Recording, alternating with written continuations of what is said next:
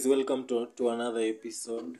Ya podcast yetu inaitwa safe house the safe house. Wenye wako familia wanajua what, what it is about na hapo hivi kwa hii podcast ni all about mental health. Tunataka kumake sure each and every one of you ako mentally healthy juu hii ni ishu fulani yenye watu huwa discuss in the open. Juu it's a sensitive issue ama topic.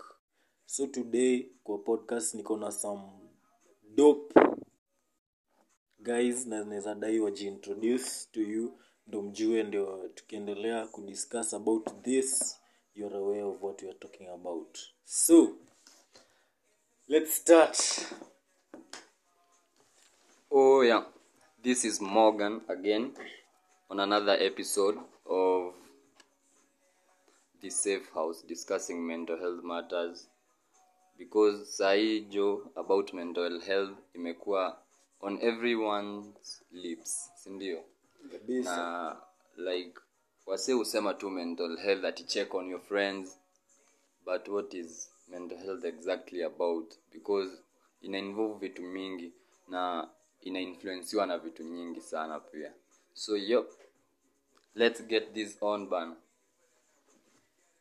our, our second guest Hi everyone, I'm Lisa, fourth year student, hopefully, and niko new to this podcast na niko very honored that nimekuwa invited to come and talk. So we hope tunaweza get our shit together. Technically eh, mwingine wa mwisho the last one So yeah, eh, hi guys. Uh, jina ni Max Sylvester, fourth year nafanya psychology. Uh, this is an initiative ya Safe House. It's something I like.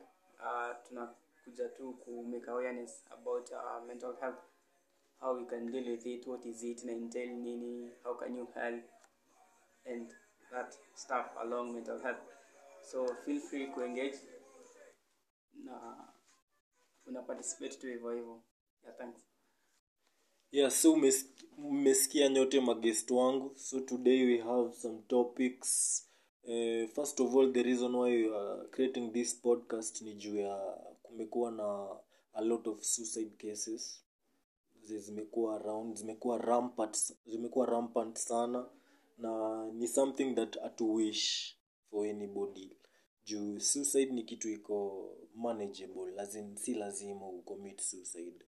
You can manage it through talking to your friends letting out your stresses na as in, ni kitu manageable hiyo ndo tunaweza sema. Hiyo si the solution hiyo si the solution unaweza manage your stuff. So tutaanza na kuelewa kwanza depression ni nini?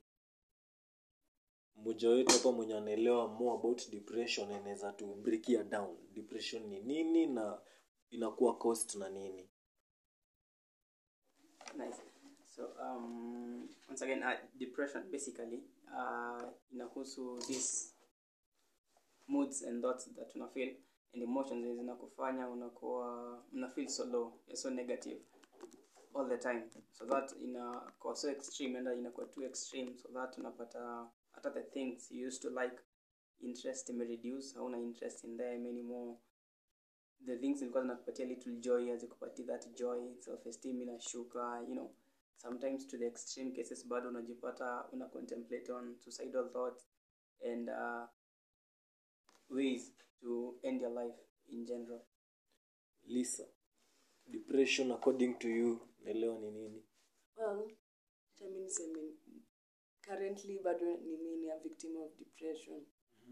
And vile tu amesema mak amesema you feel low no motivation everything sucks. You don't want to get out of bed you don't want to you don't even want to think. You just ni kama uko just in a puddle tu hapo stagnant. And it's cold and sad. Yeah, so tumepata some insight about depression. Tumeget kenye inamaanisha na luckily lisa ameget to open up to us amesema yeye ni a victim of depression which is a good thing. Ni poa tukiwa na mtu mwenye amewahi kuwa through this aeleze venye huwa ina happen aeleze venye huwa inaanza ama ilianza awaeleze juu mtu akiget to open about it it means that that person has overcome it most probably. Overcome it ama ako kwa njia ako kwa the way to overcome it. Ndio maana anaiongelea out in the open. Morgan. Yeah. depression. Have you ever been depressed? I actually don't know. Because huh? technically siku hizi kuna diagnosis sindo Yeah, Yes. kuna madaktari you have to be clinically diagnosed sindo Yeah. but obviously like being an adult to grow up you have to have good days bad days mm -hmm. and i think by sahi for someone who is around above 18 years anajua like kuna siku mzuri na kuna siku mbaya there are good days where you'll have everything going the way you want you'll be laughing vizuri and then there are days where nothing makes sense. Unapata like it is more even painful to go through these days because vitu happen daily. Yeah so morgan umesema wewe ujui ka uko uh, ujui kama, kama umewahi kuwa depressed or not depressed. Technically. So the next tunaenda kujua nini hukos depression depression huwa inaanza aje? Mtu hufeel aje ukuwa depressed? Ndio hata we even there at home ama your siblings unaweza jua kama huyu ako either depressed or not. Juu ni vitu zenye wase huwa pay attention to. Ni small things. Venye lisa amesema ausikii kuamka unafeel uko demotivated. Vitu zenye venye mak amesema things that used to give you joy hazikupatii joy so nita allow lisa tuambie maybe ye nini ilifanya akajua ako depressed? Nini ilikos ama aliona signs gani? Ama alitake initiative gani? Ndio mtu kama morgan na mwingine huko nje mwenye ajue either if ako depressed or not ajue design ya kuhandle hiyo situation na ajue kama ako depressed or not. Lisa tell us. Okay. Well, mi nilinotice I'm depressed after kunotice nimespend a whole month without doing anything constructive. I spend time in bed, not even reading or doing anything that matters. I didn't want to go out. I didn't want to eat. I didn't want to meet people. I cried a lot. I was always sad and una feel the days in a blend together. Hauna any sense of time. It's it's it's like being in a grey film, not even black and white. You go in a suspended grey state. Huelewi hata utajitoaje. You're, you're just stuck. haya thats nice na ulirealize aje hiyo ni depression auku na feel ni kama it was just a bad ama zilikuwa a series of bad days ama maybe zilikuwa just stress. Unajua mtu pia anaweza kuwa na stress. Huwezi jua kaa hii ni stress ama ni depression even though stress zikiaccumulate mingi ndio zi lead to depression. So ulijua juu uko depressed. Ndio mtu kama morgan ajue the way forward. Kama for me, siko very good at sharing and opening, talking about my problems. Most of, so I keep them in. And obviously, the more on exert pressure in a closed surface, it explode. Mm-hmm. And it did. It did you. Adi, nilifeel as if una feel as if you need to change your life juu whatever the road una lead to it's not working and oh, nice. Ume- umefanya tumeunderstand a little bit about it. So lakini bado sijakuwa satisfied na as in, yeah, ulijuaje uko depressed. Ulikuwa diagnosed medically ama? Wacha niseme ni self diagnosis Mhm. nili read on what depression is. And also um, i have a cousin of mine anaitwa eugene wegai Mhm. he's hata yako on this mission on mental health. Mhm. and alitoa hadi a film a documentary about his life and how he was depressed how he wanted to end it all. Everything. It's like a short film yeah, 13 reasons why but without the suicide in the end hiyo film watu wanaweza ipata wapi? Maybe ikawa nataka kuiona ku learn more about depression ama such. Nta post link about hiyo okay atanipatia link juu niko sure iko kwa social media Yeah. platform. Atanipea link yenye nitawakuwa nawapostia later. So stay tuned. Mark umaikuwa in a state where you've been depressed ama unajua mtu mwenye amewahi kuwa depressed na alijua aje na alifigure it out aje Ah. So, um, well, wacha nianze na I know someone amekuwa depressed and I can say I've also been depressed at some point in life. But uh, usually we can't, okay, tukiangalia if we were to follow the guidelines za kudetermine what depression is and whether someone is really depressed or not, the best and sure way ni kukua clinically diagnosed. mm-hmm. but well yes you can read and uh, uta, uta relate you can relate these are the symptoms i'm feeling these are the same but now a challenge comes when uh, you google your symptoms i don't know whether you guys have ever unakaa tuna feel like as if unasikia these signs acha ni google and then google in exaggerate. Yeah, yeah, yeah. google by the way exaggerate. Hadi kuna a whole song inaitwa never google your symptom. Sijui kama ijua. Yeah yeah, hiyo. As in una google unaumwa na kichwa then inakwambia uko na cancer. Bana, you, you should already be dead. Kuna tumor. Kuna brain tumor manzi unafaa kufa after two weeks. Exactly so kuna hiyo but yeah.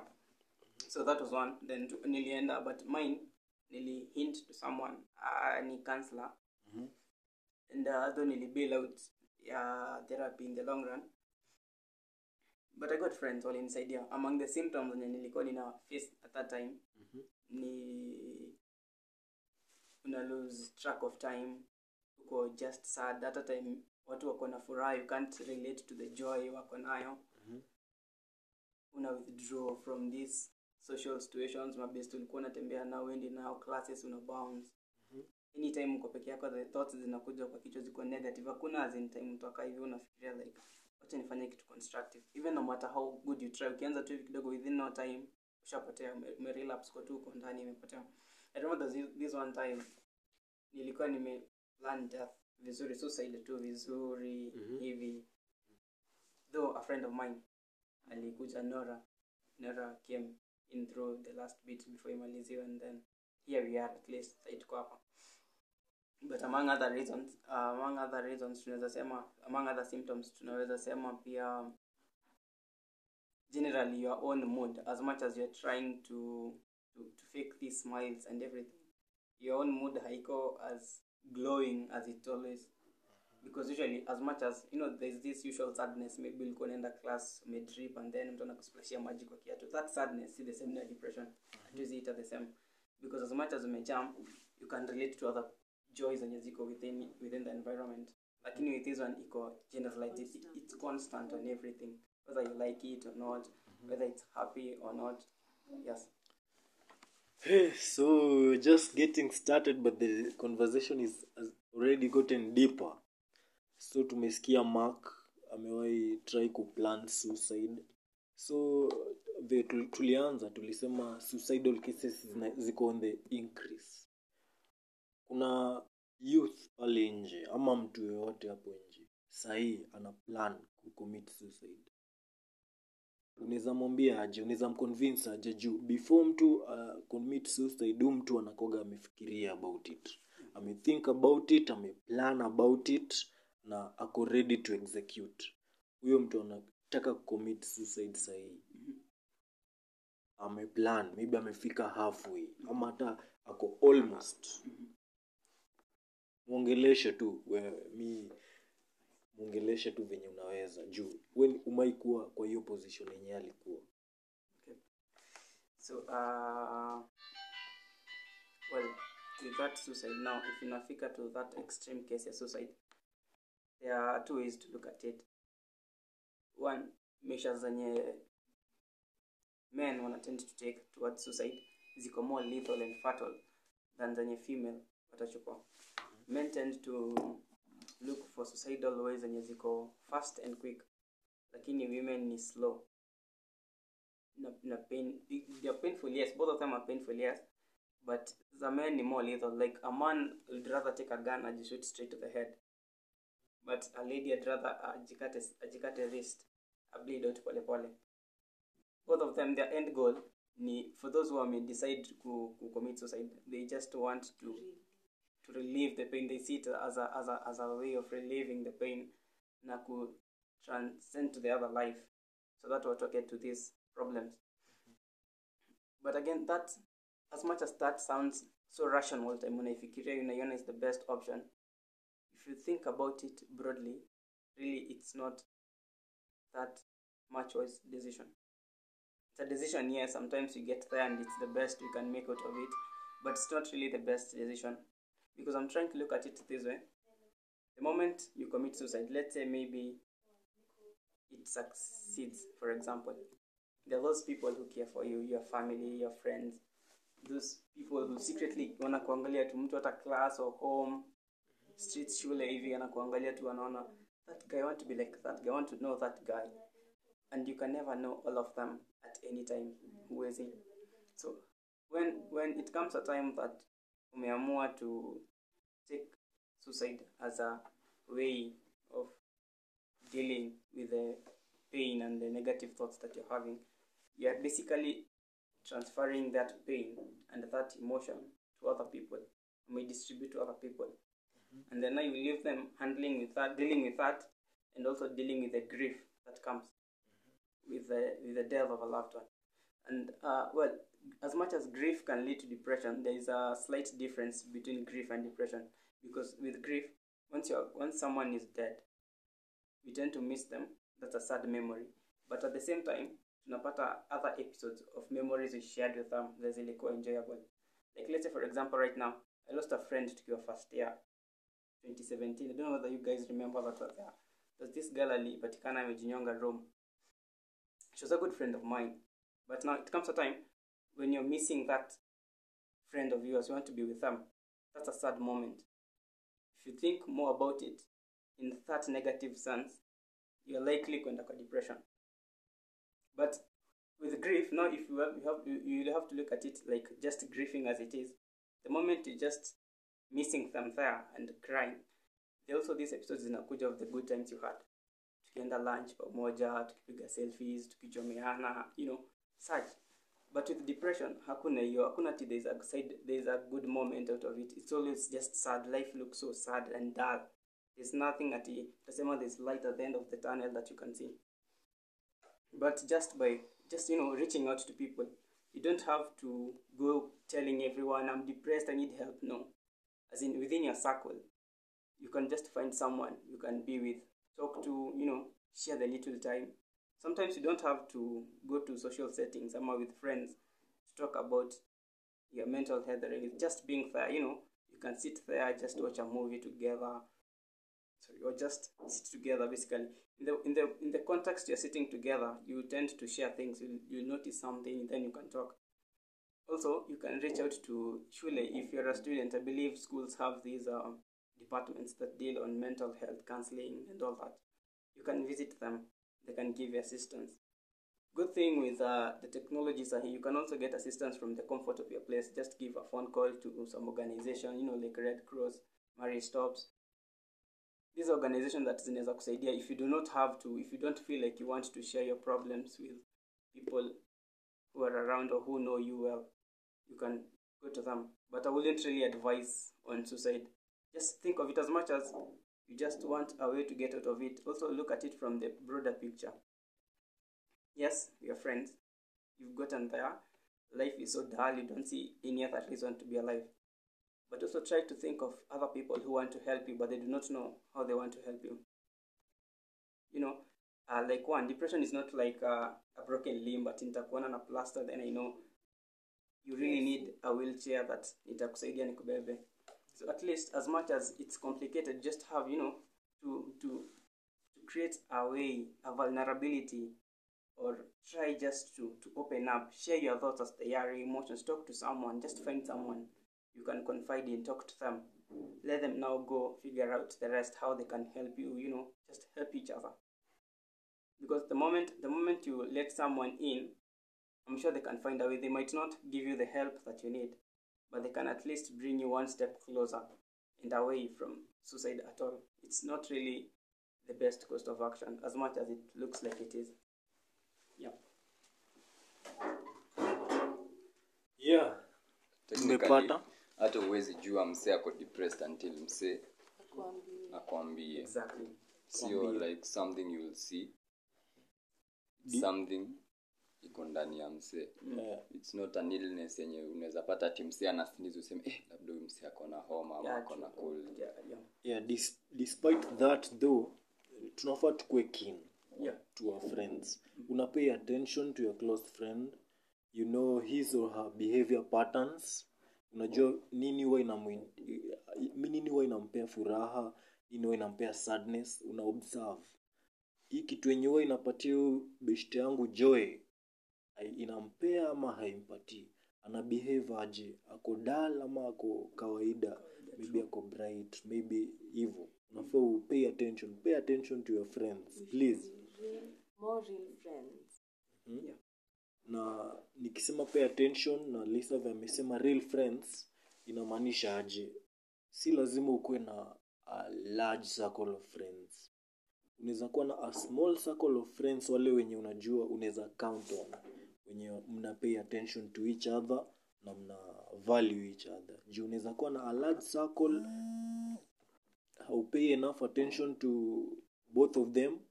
Alafu una end up ku, kuwa careless. Na as in care about them pia care about you. Juu attention si enough. So tunataka kwenda kwa some of the factors zenye tunajua zina cause depression na kwa ujuujuu huwa zinakuwa almost four. Lifestyle cognitive venye unafikiria biological na saa zingine situations. Morgan kwa lifestyle unafikiria je nini inaweza kuwa ina cause depression uh, as far as, as uh, lifestyle is concerned? Kizungu actually i think like technically from venye maisha iko sai kila msi anateta. Maisha imekuwa ngumu. Uchumi uchumi uchumi uchumi. Unapiga simu nyumbani kuitisha upkeep. Unaambia uchumi. Unashinda utalilia nani. And actually for most people that ikiwa in this lifestyle category ni financial struggles. The ability to have a stable source of employment kitu umemaliza shule the world hapo nje sio venye umekuwa ukiimagine bana. Unatama bana unauma lami unakanyaga lami bana. Kiatu inaisha. And then bado upati job. So you still have bills to pay. Siku hizi unapumua elfu moja imeenda. You have bills to pay but you don't have a source of employment. Kwa hivyo kukosa pesa sengine inapatia mtu eh bana unashindwa kwa nini unaishi kama kuteseka ni si ndio?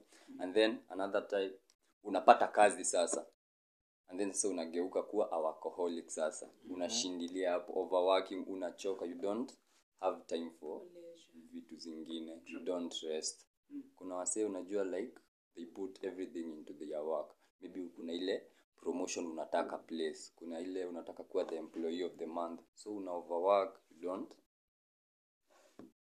rest. You don't take time to relax to reflect on yourself and by the time una neglect your mental health your physical health because of overworking unakuwa mahali you are mentally sick and physically sick because ya hiyo uchovu. Then sasa there's something like sasa with life everything ina happen inainfluensiwa na vitu zingine. So unaweza pata yes you have a, fire, a, a stable job a stable source of income but sasa home nayo sio fiti vile. So you are stressed about other things. Yes you do not stress over work but there are things at home zina kustress there are things at work that stress you. There are things at your place yenye unaendaga kutulia zina kustress you start avoiding people. You start avoiding things. Ulikuwa unaenjoy kitambo because maybe ulikosewa ama kitu ili happen and maybe you don't want to talk about it. And then sasa these things hivi sasa you find sasa vitu zingine sasa za ukiona sasa you are stressed now you'll find other avenues ya kurelease stress.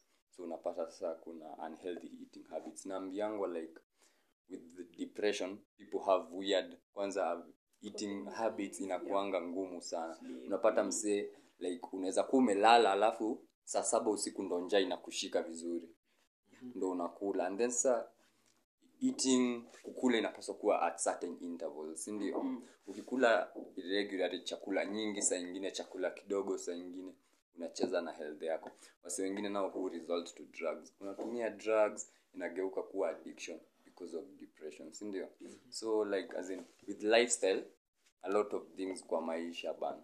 But kitu inapaswa kuwa kuwa stronghold ni the fact that unaweza pasa kutafuta balance in everything. From work to family to relationships with people na even with yourself. Yeah. Hapo tume, tumepata yenyewe a scope venye lifestyle inaweza cause depression. Tumeambiwa maybe ni finances unhealthy habits maybe over, una overuse drugs unakuwa addict na hizo zote zina result to depression so nilikuwa nimesema earlier another cause inaweza kuwa situation maybe. Circumstance. Zinafanya una get depressed. Situational factors. Lisa Yeah. unaweza tuambia about it? Okay. Uh, kama sahii tunaona we live in the time pali kuna social media. So we are comparing our lives to other people's lives and we all want people to like us hatutaki kupata tunapatana na msee na tunasikia sifa zetu ni mbaya. So and most of the time kuna different forms of torture. Tuta tuseme emotional torture yenye other people wana exact on others. For example abuse. Tuanze tu kukupiga. Ana kucondition ana use fear to condition you sasa hadi all the time maybe ukipatana na mtu mwenye ana kuremind of that person unarudishwa back into that state of fear. Then kuna also bullying. Kuna grief and loss. Alafu hiyo bullying i guess bullying apart from sahii maybe maybe sahii hatu experience bullying sana. Kuna different But- forms of bullying. uh-huh. kuna maybe cyber bullying hiyo ni yeah. moja kuna pia hata you know you can also bully your own friend. Una kama hiyo kuchomeana kuna there's, kuna a line yenye unaweza cross. Then Eh, then- ina come ina come out like a joke lakini wewe hujui kama mtu mwingine ameitake it personally. And then ukisi na ukiona huo mtu inamuuma ndio unashinda ukirepeat over and over. Unataka una press that button again and again and again true bado on that point i feel ni as in ni kitu wide Yeah. for example we maybe unaona your friend maybe ako overweight ama ako so slim ama ako as in complexion yake hiyo ni one of the lines yenye people cross mm. to make fun ama to make other people laugh but haujui venye ina affect the, The victim victim. Maybe inamuaffect negative. Maybe usiku ana have sleepless nights juu ya award yenye ulisema.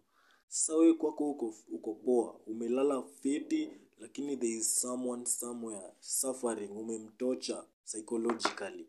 Na ni juu yako nawe ujui yeah. so kuna lines zenye mtu afai kucross. For example hiyo complexion ya mtu maybe background yake financially ama whatever anything Hizo- that is sensitive. to another person.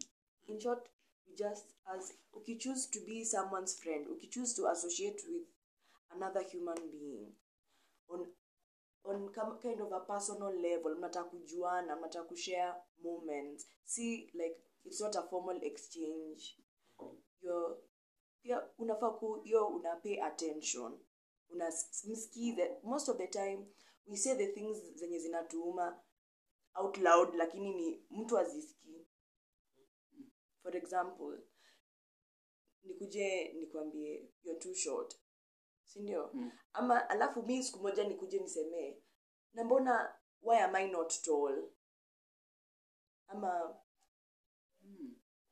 thereis how mtu ana saa zingine una you, you say it out but people hawapay attention. Na most of the time hiyo ndio ina push people wenye to, suicide, to suicidal thoughts. Juu una feel people, watu hawakuunderstand na before mark you can tell us.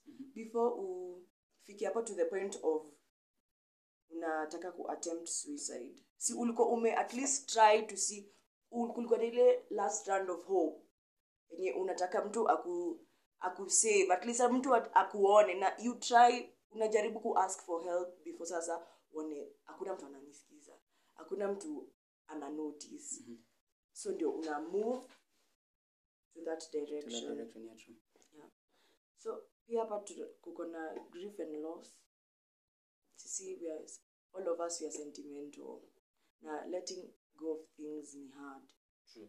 yeah. so if you lose someone na kwanza pia na hizo situations who understand ni aje because kwanza grief and loss ni too painful kwa sababu huwezi question huo mtu juu ako ameenda. There's is no one to blame. ata hata kama there is someone to blame still you also kind of blame that person for leaving.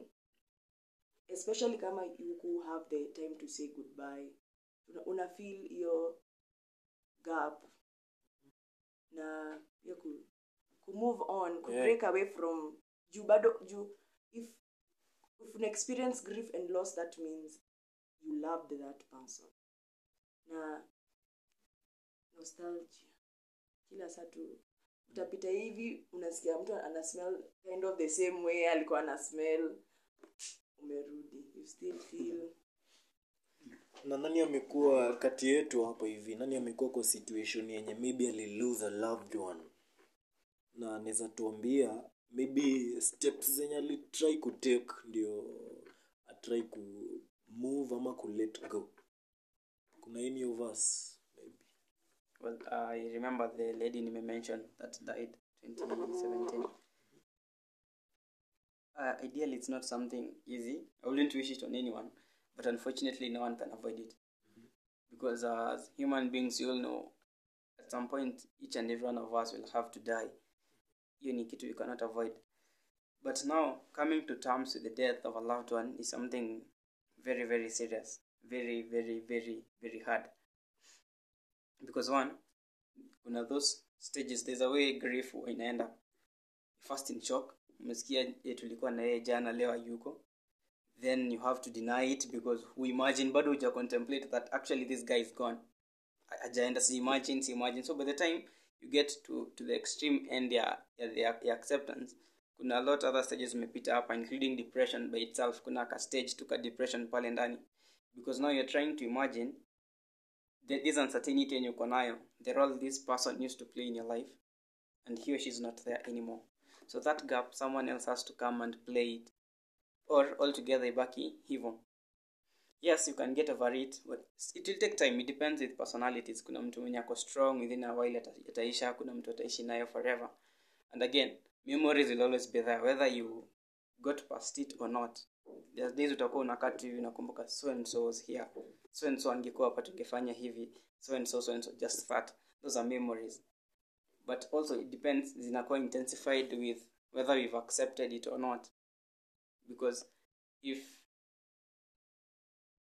in the process of undergoing the grief and loss of someone or something because loss loss in a go a whole way it can be someone or an object it um you don't you won't find necessarily mtu ati ameshakubali outrightly ati yes nilikuwa najua tu atafika hapa. We all know death is a must yes. But none of us seems like you are ever ready to face it at any time. No one is. At even if let's say for example um a friend of mine ama hata mimi i was terminally ill niko on the last stages of my sickness. We all know at some point the only way i'm going to get out of this is through death but even if that death comes to relieve me my pain the people i leave behind watakuwa na other things to, deal, to deal with. The emotions the uncertainties the roles the gaps wenye utatry kufill in the gap wenye nilikuwa na play the roles you know. All that all that all that pressure inakuwa distributed among the people that cared for you. And it varies with how much close you are with every individual. Because the people that you are so close to them they are mostly hurt the most in that order ikienda to the people that you are least connected with. It's not something easy it's not something that at itaisha within a month or two. I can't tell you i can't tie a specific time and unafaa kutake to heal. But there's the, there's the normal routine yenye criteria like someone everyone the majority of population who wanna follow. And then now there are the extreme ways of grieving zenye sasa ziko more serious if it goes to that extreme now uh, yeah, that's something that actually needs now clinical clinical help. Thank you. Yes nahitaji clinical help because hizo ni ways we cannot really understand very well. Yeah mak ametueleza. Kwa kinaga ubaga. Sasa kosi ingine yenye nilikuwa nimesema ina cause depression ni biological factors biological factors na zina cause depression. Mark yes. to proceed. Na biology. Aha, biology. Niko sure your familia jukosi yako kumanage kufanya psychology lazima ukuwe good in biology. Yeah hiyo ndio naitwaje inakuwa kwa cluster points. Yeah it's a necessity. Yeah lazima ukuwe fiti biology. Nice. So well, um, biology now with biology and depression, the link between biology and depression, eco, eco, eco largely tied to the fine learning of biology and neurobiology za vitu because um, if you look at things like uh, for example genetic the family history families that zenye zimekuwa na you know the parents or within the family tree family line kumekuwa na people who've been depressed. They are now the, the children the offsprings a watoto wenye watakuja from this family tree hivyo kuendelea they are likely that at some point one or a number of them watakuwa na watakuwa watakuwa exposed to depression or they are likely to be depressed so compared to others mtu anaweza inherit it's sort of Vulnerability yeah yeah it's sort of depressed. yes it's sort of uh, inheriting because there's a gene from studies though zijakuwa fully ati fully expounded clearly tunaweza sema but uh, from the studies zenye ziko right now you can actually google from your phone there are these genes they are tying with uh, depression such that when the nenders zikikuwa shared down the offsprings zinaenda zikipreddispose these people to depression.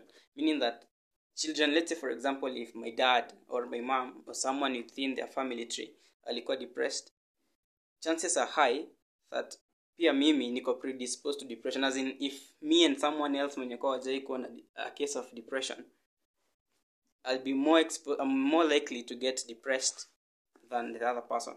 That matters pertaining to genetics and the biology but when it comes to things like uh, hormones still under biology tunaweza you usually this one is now more it's, it's more common with females than males especially during puberty. Now with this changing hormones in the female body you know they are transitioning from childhood to adolescence before they adapt to these changes as in they come now the breasts are growing hips in a broaden then the, the, the whole image perception and the this person has about his or her body in a change altogether. You know anakuwa anxious why i didn't want this big breast. I mean, I wanted big breast and they're small. My friends wako na so big zangu ni so small. Such such anxieties zinampredispose kuenda to that deep hole ya depression. Because all the time ako na worry ako na constant fear. As in you know and when you when you when you look at these things objectively the moment unakuwa na these issues about your body which by the way we all do as in Yeah. i'm sure everyone does have some things exactly everyone. na sahii kenye ina lead to that the most i think ni social media. Exactly. social media is giving everybody pressure. Mm. unapaswa kukaa hivi. An ideal body ni this one. Yeah. msichana anafaa kuwe hivi. This is the ideal body. Which is not true manze not you are true. perfect. You're Manze- good just the way you are. hiyo isikupe pressure. Huyo ni mtoto wako pale amekaa kwake anataka tu kutafuta something to post for people and all that. Usikubali those words in a hit deep. Know when they should and when they shouldn't. As in them Eh, not everything unapata kwa social media unaiapply to your life. Angalia the pros and the cons how it's helpful how it's not as in criticize these things before you can apply them.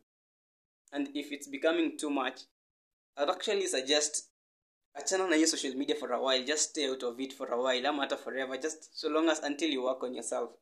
Because there's no way hata ukini block let's say for example right now nikuje ni ku body shame on your pages kwa social media. Hata ukini block someone else alisoma someone else will do it and another person utablock watu wangapi? You know that in, in that sense. Then um now back to hormones again.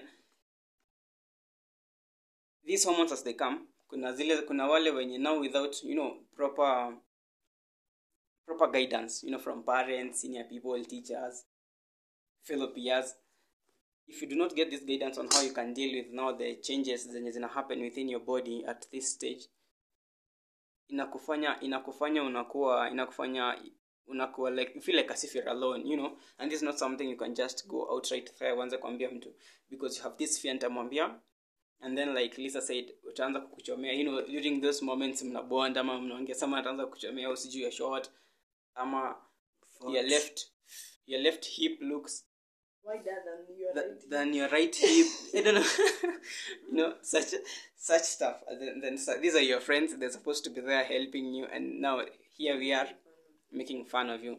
Okay, sometimes it's innocent. People they're just there making fun, but sometimes we do not know how deep our actions go to the other person. Yes. So just try. Uh, read if you if you have issues about your body, you can reach to your parents, yeah, you know, elder siblings if you have, teachers, talk to doctors. They're actually there's this uh, trend nimeona on management of uh, diseases and depression. This AI, artificial intelligences, just talk like there's this lady from Google, Google Assistant. She's a good she actually anaongeanga okay like like the the she voice yeah na nani zuri from safaricom. Okay Siri. nice. Ni, ni siri ama ni zuri? Kuna siri kuna zuri. Oh yeah so exactly. So kuna au wote you can if you have issues you can also talk to them. If you do not want to talk to anyone you can just talk to them. Open your device after internet connection you know talk to them. They'll give you things they can they can uh, propose for you songs or exercises just things you can do to help you deal with it but don't just focus on use of virtual nini. Still also try to look for physical people. People you can talk to they can help you on actual things you can relate to. Because that robot anaweza kupatia something that only works within people from other areas as apply kwako. You know such such stuff. Yes. That's very nice. To get to understand how biology can cause depression. Na factor ingine yenye nilisema one of them is the cognitive factors by cognitive factors i mean your mental processes. Venye huo una process vitu kwa akili can play a very big role in causing depression. For example most of us we like to be perfectionists. Tunafaa to come to understand hakuna mtu ako perfect. Kila mtu ako, ako na imperfection. Na personally i tend to like people wenye huo wanakubali imperfectionism zao nikipata mtu anakubali hayuko perfect na hiyo imperfection yake as in anaiembrace venye iko. Mi uko attracted to people. Kao, na huwa nataka kumake friends with them. As in, in short kukuwa real. Kukuwa real to yourself and others ni attractive. Very attractive. Lakini kukuwa fake as in unatrai kukua kitu yenye sio wewe ama unatrai kukuwa mtu mwingine hiyo kitu mi personally hiyo kitu huwa inani inani put off vibaya sana. Bana wana feel bana sasa mbona huyu ajikubali mbona huyu ajikubali si ujikubali tu ukuwe sawa. Si ati uki, uki come out useme niko hivi na hivi. Si ati yes, okay yes kuna watu wengine maybe wanaweza kuavoid or maybe cut ties with you but Thank God they did. That means they, are, they weren't really there for you kama hawataki kukuona the real. Yeah. So ile point tulikuwa tumesema ya real friends hauwezi pata real friends. You're not a real friend yourself. kaa we mwenyewe uko real to yourself and others. So kitu ya kwanza ya kupata real friends be real to yourself. Be real to everybody else. Usitrai ku eh, copy style ya mtu mwingine juu your own style haiwezi enda out of fashion your own style can't go to fashion. Ukiwa real hawezi go to fashion. So kila mtu si perfect. Tunafaa tukubali na to accept na hiyo ni attractive vibaya sana. About thinking patterns kitu ingine pia yenye huwa ina cause depression ni self esteem self esteem kabla mtu acquire a high or low self esteem huwa ikui lazima kuna kitu ili trigger that ndio hiyo self esteem ika maybe ikaloa.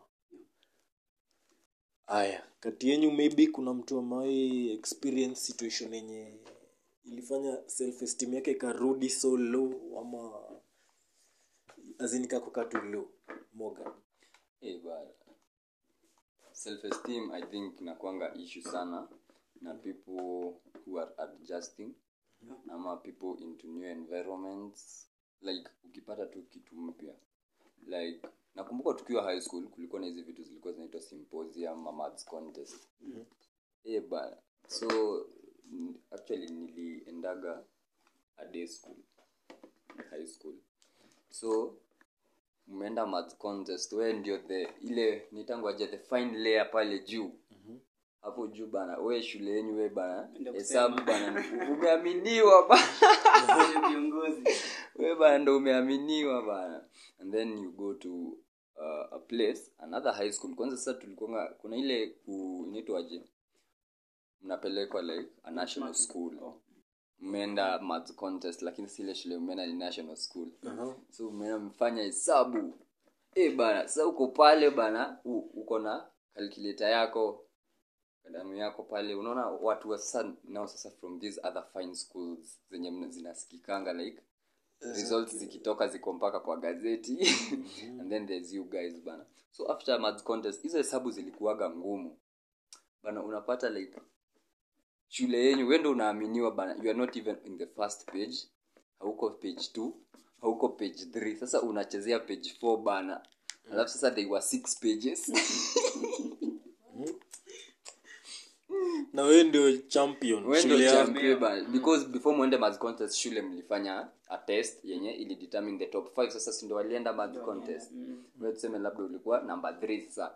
Wewe uko huko page 4 mwenye alikuwa amekushinda shule yenu ndo amejaribu ako page 3 eh bana so like una unaenda mkirudi sasa the drive back to school bana jioni unaenda ukijiquestion bana ulikosea wapi? Mm? yes the syllabus ni the same but unapata wasee bana wanakushinda and then there's this thing about men and women. Ukipata ukiwa boys unashindwa na dem. E bana saa ingine unajikosea hata heshima bana. Mm-hmm. so yeah na high school bana ilikuwaga triggered hivyo. Kama huku umezoea kushindwa pia ukienda shule unapata wasee ni werevu kukushinda. Inakusumbua akili sana. So, Eh, yeah. Hiyo ukiwa kwa situation ka hiyo nayo lazima ukuwe na low self esteem kuna ingine bado ni ninaona uh-huh. watu wanafanya though ha- sijui kama people wana give it deep thought it's about parenting. Mzazi mzazi anaambia mtoto for example um, ona venye umekaa na vijana wenzako wakangi hivyo as in everything ana, instead of correcting mtoto na the best way anafaa correct mtoto ana start from the negative hanzi haiangalii in the positive way. You know mtoto amekaa pale amekaa vibaya unamwambia kama kaa venye vijana wanataka kufanya angalia venye ni kijana funga mdomo ona meno zinakaa sijui aje. Nao ni mama anaambia mtoto wake. So unaona yeah. ideally Mm. huyo mtoto anaenda akiconceptualize with time. Mm. meno zangu ni mbaya sifai kucheka sifai kufanya sifai kufanya. So in, in, by the time mzazi akuja kurealize the whole thing amefanya mtoto ashaingia adolescence ashaingia asha imprint kwa akili I'm ugly. I can't I can't be pretty. I'm ugly at all. So huyo mtoto atafanya nini? Already self esteem yake imeshaenda chini altogether. So we should find ways instead of if you have to address something negative you address it in a way that you do not make the other person akue worse. Make it in a way that una, una motivate ku move to the other side ya ku, kuwa better. Yeah. correct. So another about thinking ni body issues. Maybe unaweza kuwa hiyo mark ashatu explainia vizuri about body issues. Venye mtu anaweza feel okay hiyo ni biology. Mm. venye mark ametu explainia another thing yenye pia inaweza cause minimo, mini, okay siko- sure pia kama mi ni victim. Maybe pia mi nahitaji therapy kiplani. Mm-hmm. ni overthink overthink situations naona lisa pia ana respond hapa. Nikaa pia hiyo ni victim. Mimi ni a true victim. Overthinking. So overthinking ilikuwa imekuwa a problem to me for, for the longest time. Lakini siku moja okay tunafaa tu acknowledge pia nyimbo. Listening to songs ni a way ya unaweza cope inaweza kusaidia kukop na stresses na depression. Nilisikia wimbo fulani so hiyo wimbo ikienda kuend kuna mtu alikuwa anaongea. Sikuwa na pay attention to that person who was talking. But at this one time i decided to pay attention to the song till the end. So this person kenye alikuwa na try kudrive ni kenye unafikiria ni thought ni just a thought sio the reality of life. Hiyo ni just a thought. Na ukiendelea kufikiria hiyo just hiyo thought ndio the reality of life ndio itakudamage. So kuwa ina a position ya kuweza kudismiss negative thoughts na kumaintain the positive ones. For example maybe nafikiria kitu mbaya nafikiria hii kitu worse ita happen hivi inanipea fear inanipea anxiety inanipea stress na ni thought tu ni thought si ati ni reality si ati hiyo kitu ita happen ama iko hivyo.